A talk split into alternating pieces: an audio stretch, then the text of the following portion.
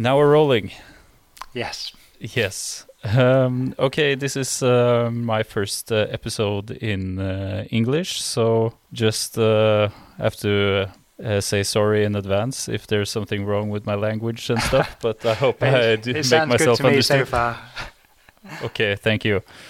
Uh, so, uh, Ben, um, you are a senior designer at uh, Rab. Yes, that's correct. Yeah.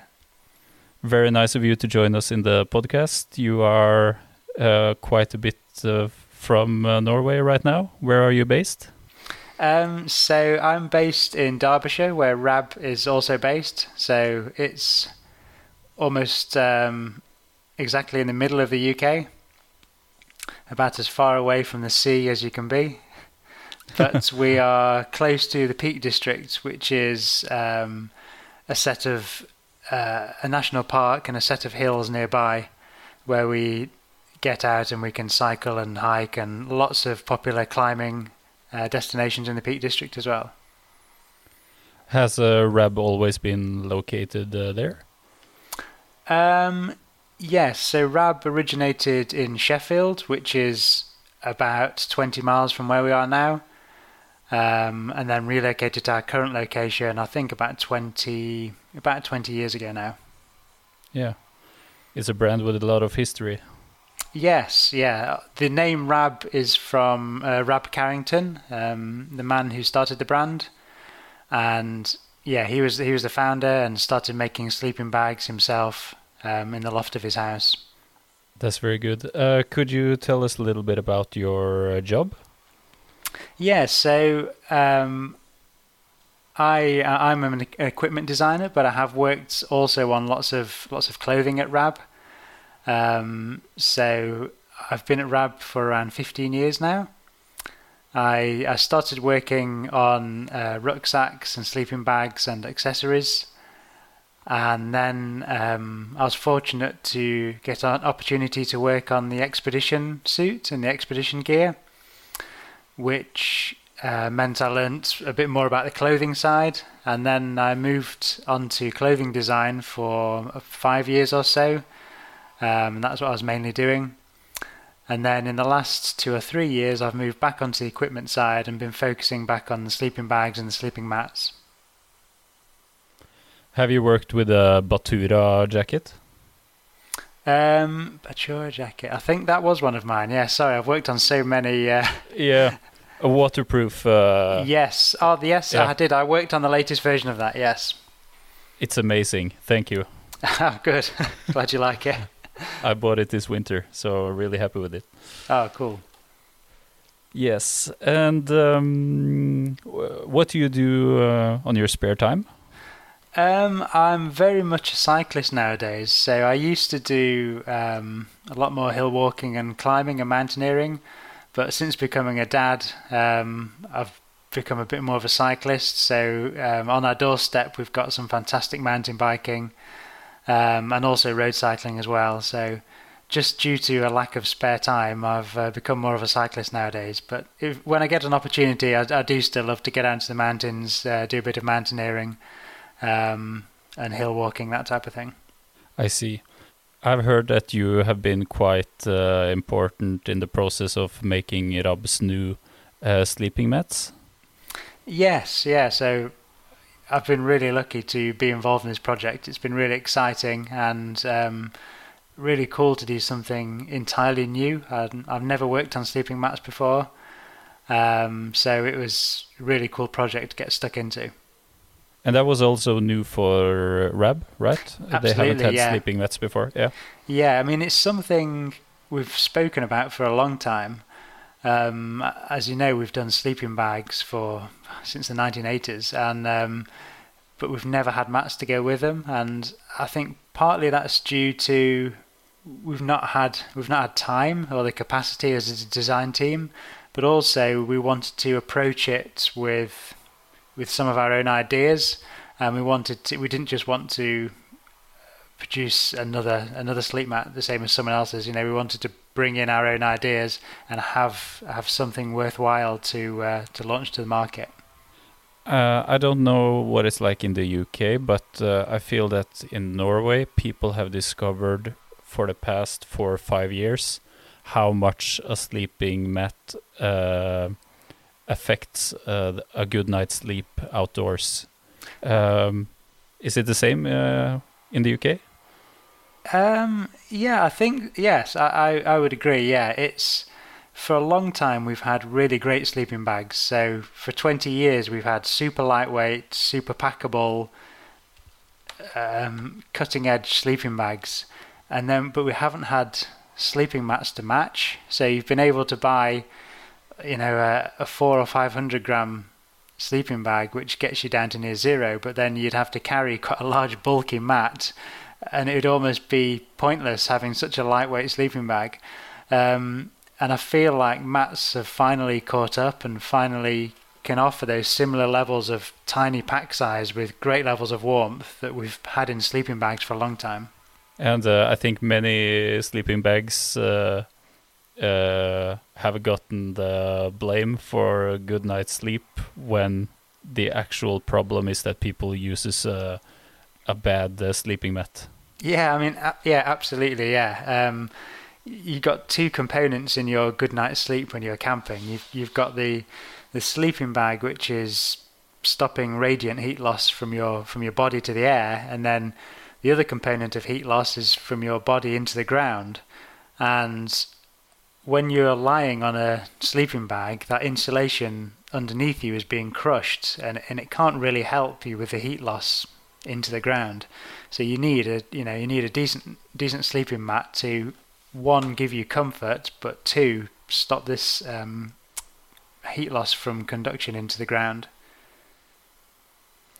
And um, uh, I see that you have, uh, or at least on our uh, site, we have uh, about three different models, three different uh, names, um, and it's the exosphere, ionosphere, and stratosphere.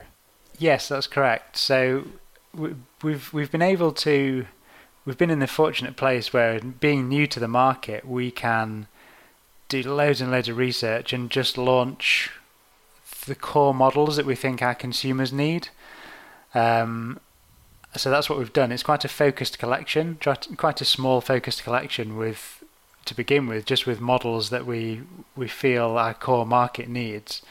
Um, and they roughly correlate with what we offer in our sleeping bag collection. So um, our sleeping bag collection starts at a certain level. We don't we don't offer kind of really entry level sleeping bags. We we start at a certain level and then progress to an upper level. Um, and that's kind of what we've done with the with the sleeping mats. Um, can you explain a little bit about the different uh, models from uh, kind of uh, yeah, uh, lowest entry. Yeah. Yeah. So at the our lower tier of um, sleeping mats is the uh, well, our entry level sleeping mat is the Exosphere mat. Um, this is a, a self-inflating mat. So for perhaps someone a more traditional user who's who's familiar with the self-inflating technology.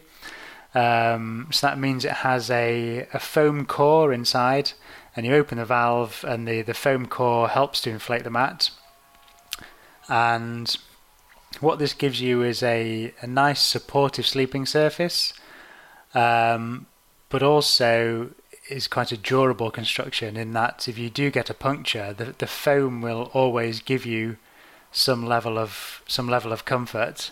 Um, it doesn't solely uh-huh. rely on air. Um, so excuse me, I'm just going to shut my doors. Someone outside with a lawnmower.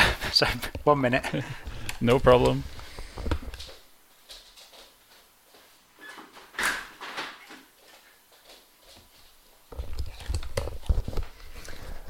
Very sorry about that. Um, no problem. So, uh, so, where was I? Yeah. So um, yeah, the foam core gives you a, a, a solid support and a, and a, level of comfort, and works even if even if you have a puncture. Um, the downside of the of a self-inflating mat is that it's a little bit more bulky, um, and doesn't doesn't quite pack down as as as nicely as uh, the more modern air mats. Um, but it's still for for a self-inflating mat. The Exosphere is still a really premium offering. So Uh, it uses 20D fabrics and a three-dimensionally cored foam in the middle to save weight and to help trap air, um, giving it a good R value of 3.5. And that uh, 3.5 is uh, a very good uh, three-season R value, right? Correct. Yeah. Um, yeah. I'll come on to R values a little, a little bit yeah, later, we'll but yes. Um, yeah. yeah. a 3.5 is a, a good two to three season kind of R value for most people. Obviously, depending where you live. yeah, of course, of course. Um, the the next mats in our range are uh, use a combination of air with synthetic insulation, and these are called the Stratosphere mats. And this technology gives you a much a much lighter mat at a much thicker, more comfortable thickness. So these are now eight centimeters thick. Um, they they're not self-inflating, so they require inflation using the, a pump which is included, um, which is simply a, a, kind of dry bag with a nozzle at the bottom, which you capture air and then force into the mat. So you don't. It works don't, great. Yes, yes, they, they are. Um, yeah, they work really well. Sort of maybe four of these, and you'll you'll fill the mat. Four four pumps with a dry bag. Um, and this also helps to, you don't want to inflate the mats using your mouth because moisture from your mouth can get into the mats and then can get trapped in there and can eventually go moldy. So um, we always recommend that you use the included um, pump to inflate the mats. I but think yeah. uh, on on paper, if you look at the specifications, I think the Stratosphere looks like a very good all rounder.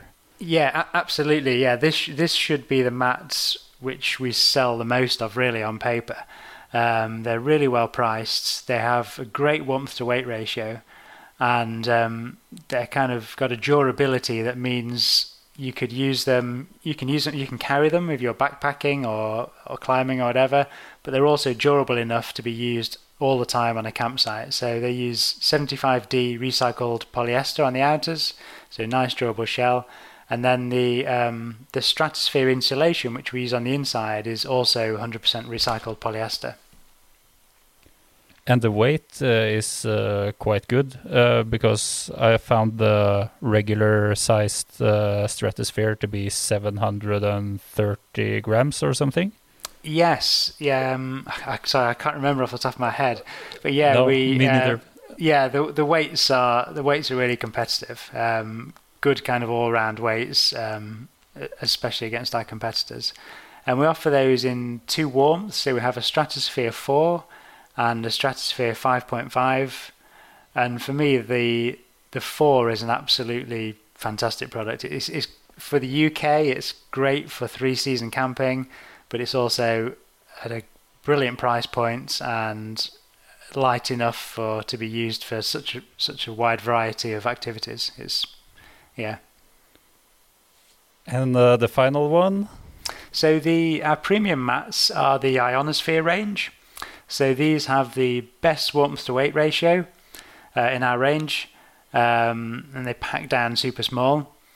And the way we've achieved this is using a 20D outer fabric, uh, again recycled polyester, and then on the inside we use the the same Stratus um, recycled insulation as before, but in, in the in the middle of this is a heat reflective tilt film, um, which reflects radiant heat loss back to the user and really boosts the R value of these mats.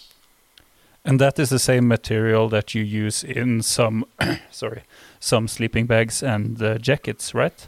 It is, yeah. So the the tilt technology is um, the term we use for when we use one of these reflective technologies.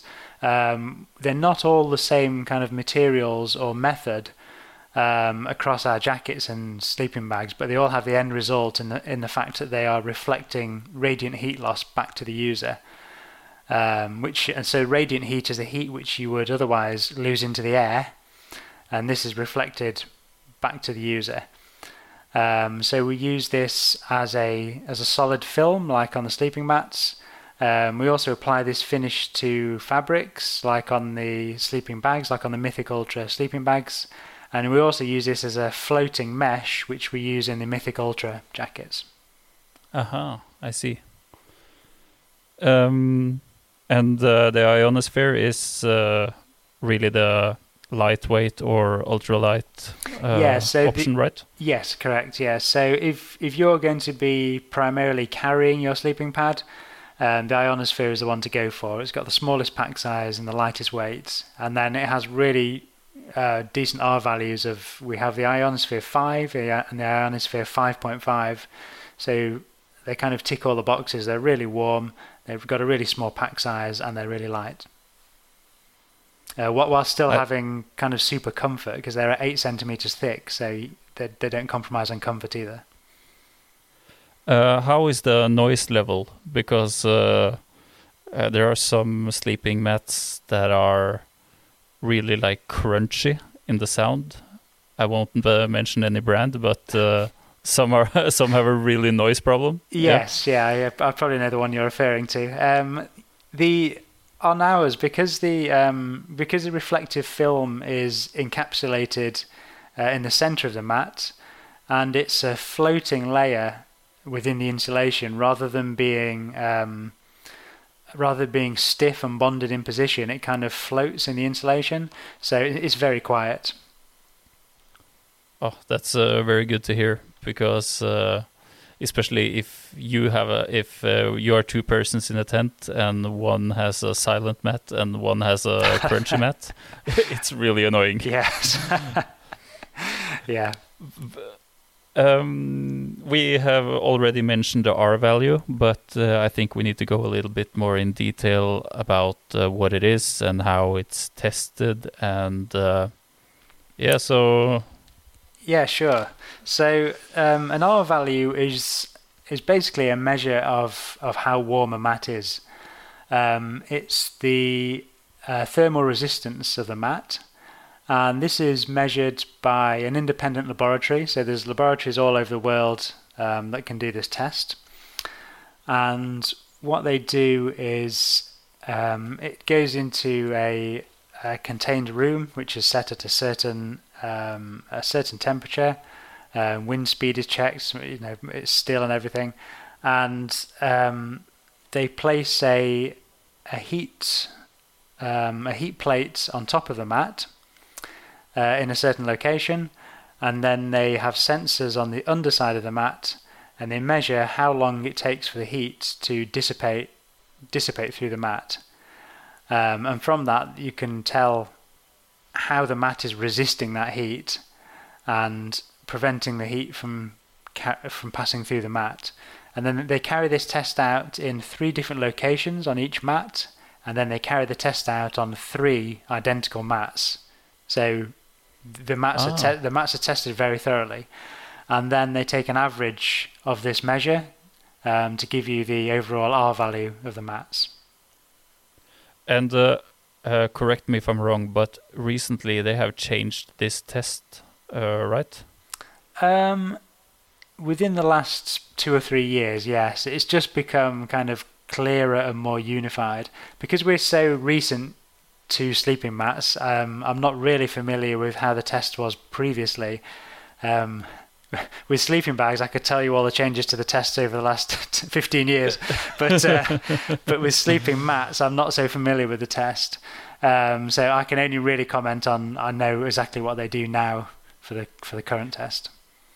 Because I know there were some sleeping pads that uh, got a lower uh, R rating uh, R value uh, with the new test. Okay.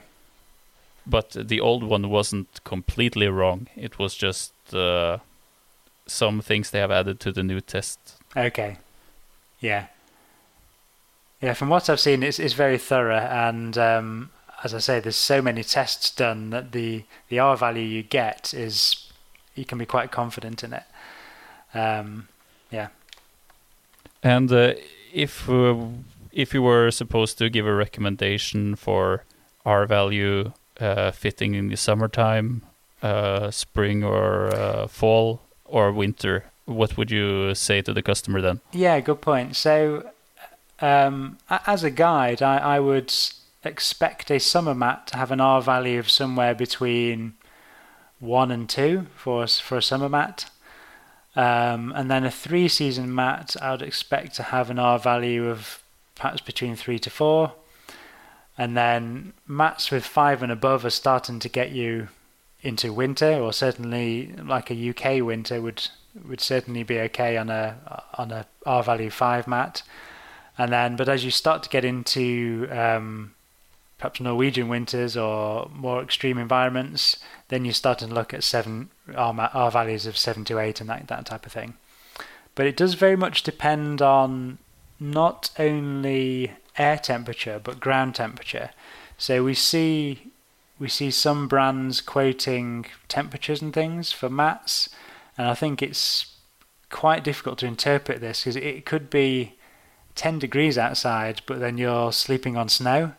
So, and it's the it's the ground temperature that is the most important part. So, um, I was speaking to um, a Canadian friend recently, and they were saying that in you can be sleeping outside and it can be 10 degrees or even 5 degrees in, in autumn and you're plenty warm enough on a on an R value mat of 4 or 5 but then in the spring when when the ground has been frozen over the winter you might be sleeping out in the spring and it's 5 degrees but on that mat you're cold because the ground is still frozen underneath and and the, it just uh-huh. pull, pulls the heat away from you that's very interesting so it's not just the air temperature; it's the ground temperature you have to take into into consideration. Obviously, that's not an easy thing to do. You're not going to stick a te- stick a thermometer in the ground, but it's just may- maybe you you consider if you're going to be sleeping on snow or if it has is, is after a long, cold,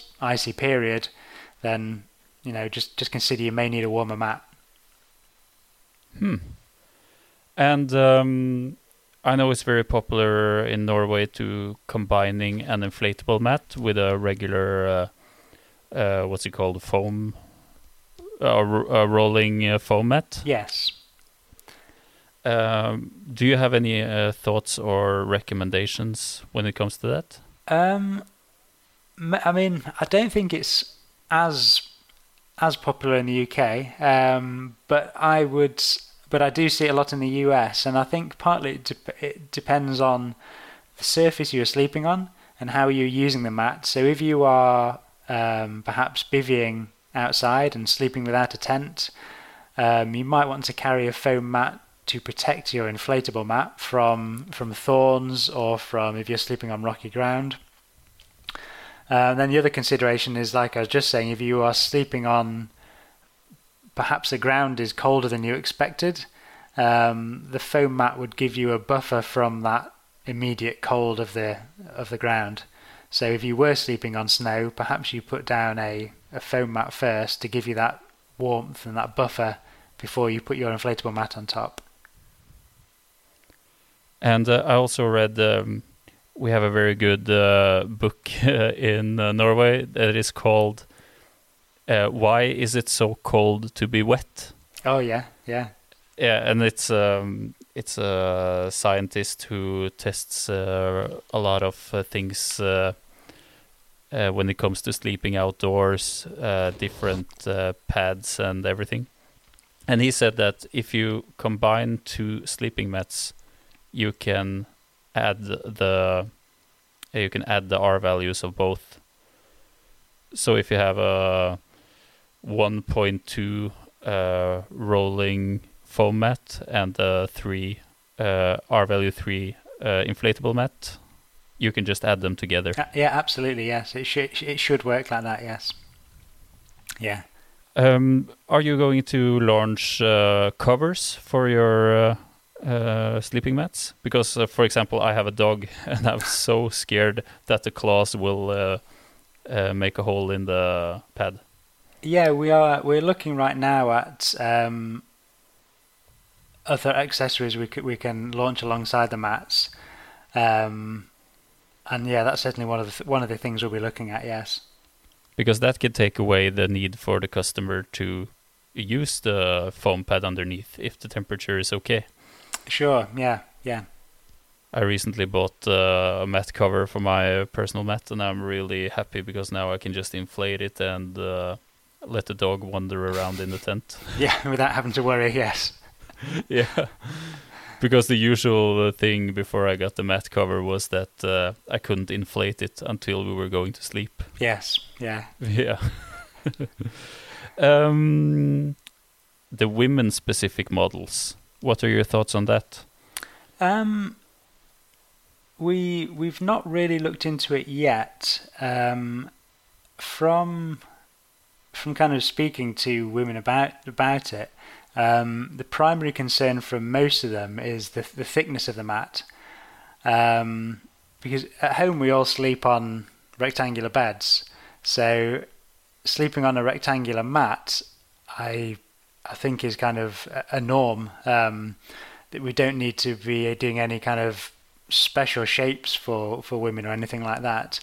Um, the thing that they do feel is um, they like, like, with the sleeping bags, they like them to be slightly warmer, um, and then an, an increased thickness maybe, um, particularly if um, a lady is sleeping on her side or on her front. Um, an increased thickness can really help with comfort. So I think if we were to do a, a women's specific mat, it would probably be more to do with a boost, perhaps a boost in warmth and a boost in thickness, rather than any kind of um, clever shaping or anything. Um, because I think a a majority of the mats which are sold worldwide are rectangular, um, and the reason being you can sleep in different sleeping positions, you can get comfortable, and your feet don't constantly slip off the sides um, like they can do with a with a mummy. Um, so I, I, don't think anything overly clever needs doing with the shape. I think it's more to do with with warmth and thickness. And uh, you just mentioned it now, but the different shapes uh, and sizes of uh, the sleeping pads. Uh, what are the uh, obvious advantages with the mummy shape, for example? Yeah, so a mummy shape is um, it saves weight and reduces pack size.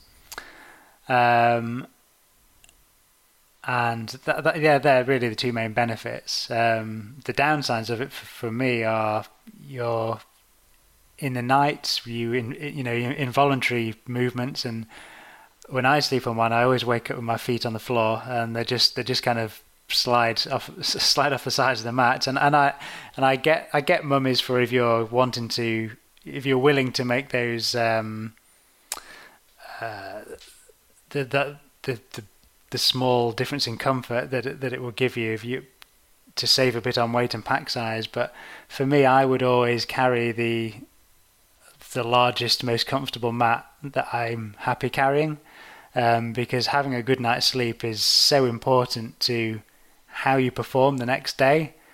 And if you're saving one or two hundred grams by carrying a mummy mat, but you're getting worse and worse sleep as, as the days go on, I would rather carry the extra tiny bit of weight, but but be but be stronger and perform better because I'm getting a decent night's sleep um, in comfort. I think many ultralight uh, hikers uh, underestimate uh, that effect. Yeah, ab- absolutely. Yeah, that, that uh, worse uh, sleep. And and it's, and it's not has. only just um, kind of physically; it's it's mentally, and also, you know, having lack of sleep can it it can affect your um, just kind of your heart rate and and and your ability to stay warm and things like that. So it's not just how awake you are or you know or, or how tired you are. It it is other things, you know um, yeah, I think it's very very important. And I see a lot of different brands um, uh, have some have uh, vertical uh, baffles and some have the horizontal ones. Yes. Uh, how is that in the new sleeping uh, mat range uh, from from Rab? So currently, all of our sleeping mats have um, vertical longitudinal chambers. Um, the advantages of that are that it's uh, there's less chambers, so um, it saves a bit of weight, and you've got less less bonding going on in the mat. There's kind of less to go wrong. Um, it also follows the shape of the human body. So we are we are we are tall and narrow, um, and the the chambers follow the shape of that. And then the the final um, kind of pro to it is that we can enlarge the side chambers, the outer two chambers, to to keep you centered and, and stop you falling off of the mat. Oh, that is so comfortable when you have those uh, high uh, side barriers. Yeah, yeah. and it, and it's also sub, it's it's almost kind of subconscious. They just kind of in the night they're just easy towards the center of the mat and and, and stop you stop you falling off. Um, the the having uh, chambers which run across the mat um, horizontally that also has its advantages in that um, it gives you a nice flat gives you a flatter sleeping surface um, and the smaller chambers are perhaps um, act kind of like mini cushions, so it's, it's, it's, maybe a little bit more supportive. Um, and the the horizontal chambers perhaps roll when you're rolling the mats, kind of perhaps roll a little better. Um, so there's there's pros and cons to both constructions. And uh, I asked some colleagues uh, before this uh, episode uh, what should we talk about when it comes to sleeping mats? And one of my colleagues said, um, which side of the sleeping mat goes down to the ground, and does that have any effect? Um, yeah, with with the rab mats, it doesn't really because we're using the we're using the same fabrics top and bottom, um, and the construction is also the construction inside the mat is also um, symmetrical. Um, so it wouldn't affect the, the the durability or the R value by having it either way up. Um, the only thing I would say is the valve. Obviously, you want that pointing downwards, so you don't your feet or your head aren't on the valve. Um, but it, uh, it depends. I mean, we also have a grip print on the ionosphere as well, so you'd want the grip print facing upwards towards the mat, towards your sleeping bag to help keep you on the mat. But I know on some competitors' mats they may use um, different fabrics, top and bottom. So I know some competitors use a, a, tougher fabric on the on the underside of their mats and a lighter fabric on top. So you would obviously want to make sure you got those mats the right way up. And um, speaking of durability, uh, when you buy a Rab uh, mat, uh, will you also get a repair kit? Included?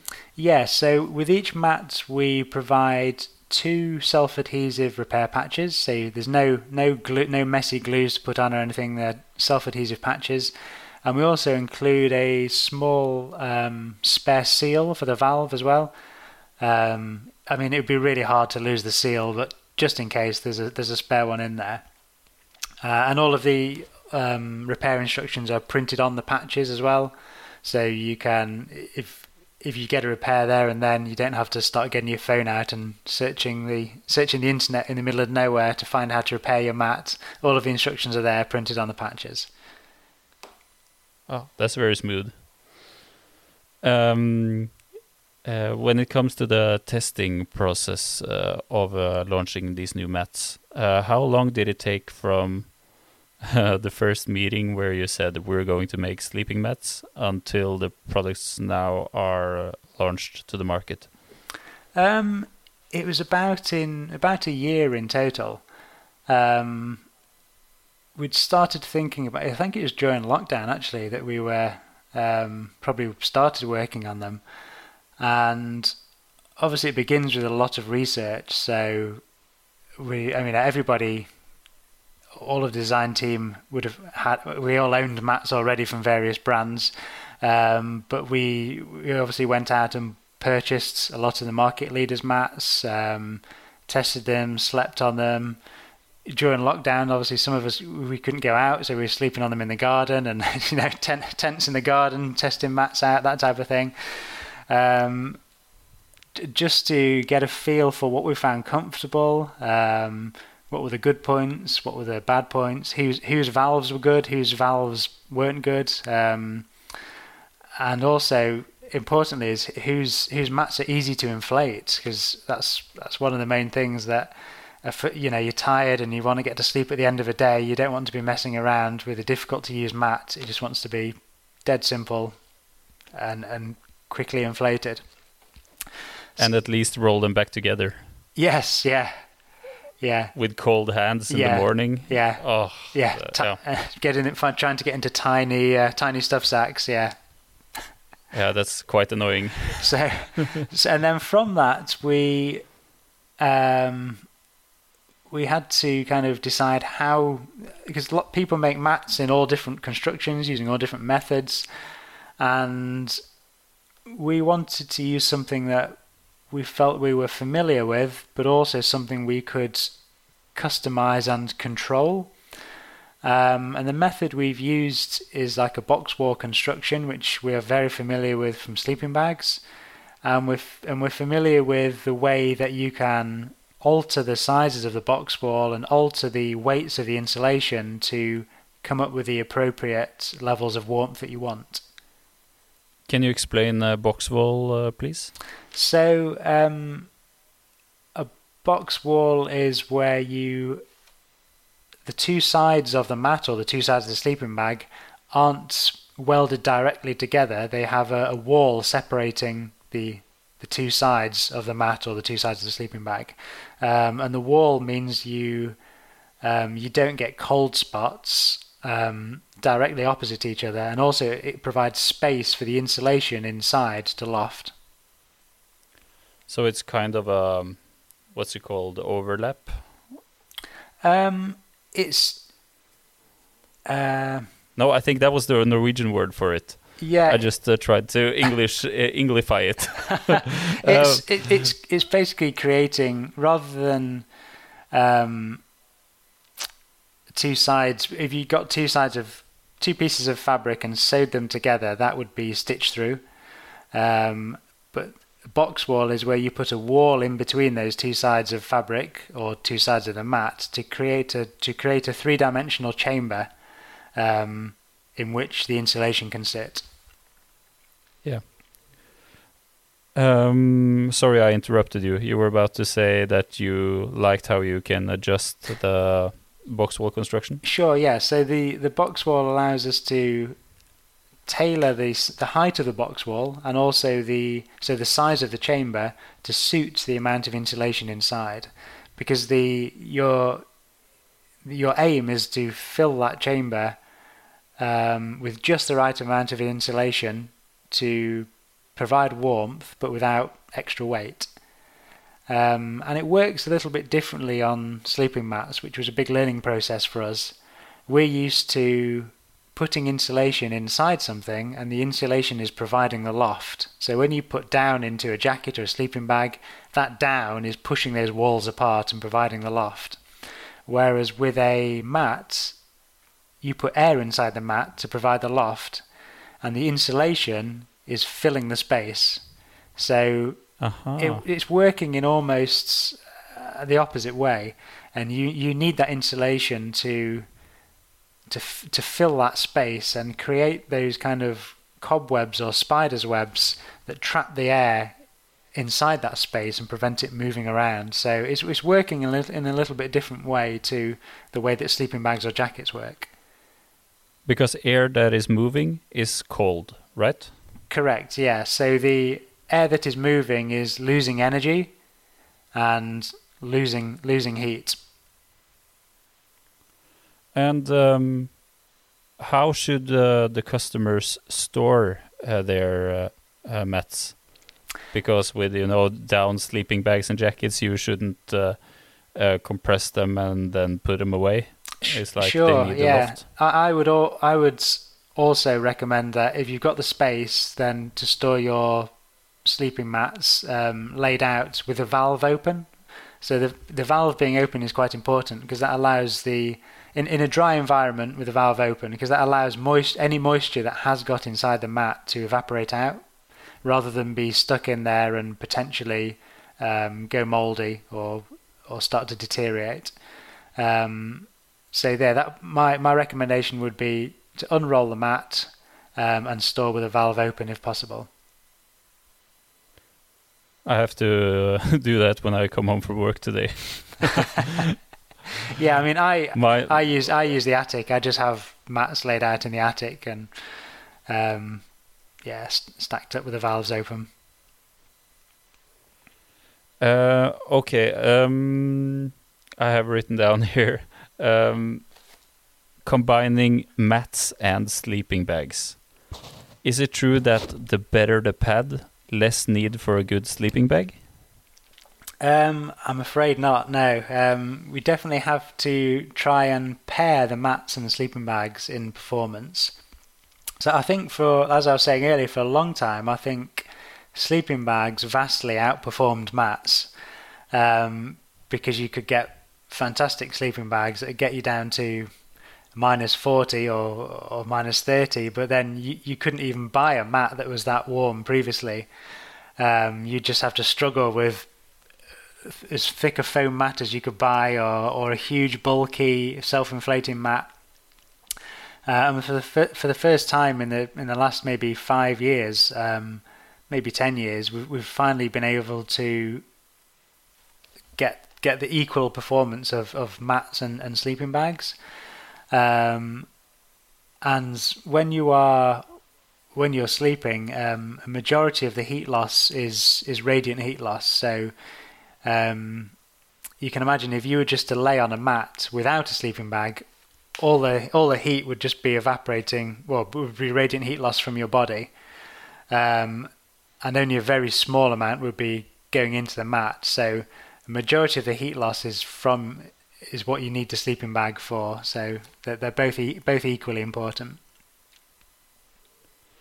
I remember when I was about uh, 19 or 20 years old. Um, in wintertime, we just used the Thermarest uh, Ridge Rest pad, and it worked. But I feel that when you start using uh, inflatable sleeping mats, uh, then there's no way going back.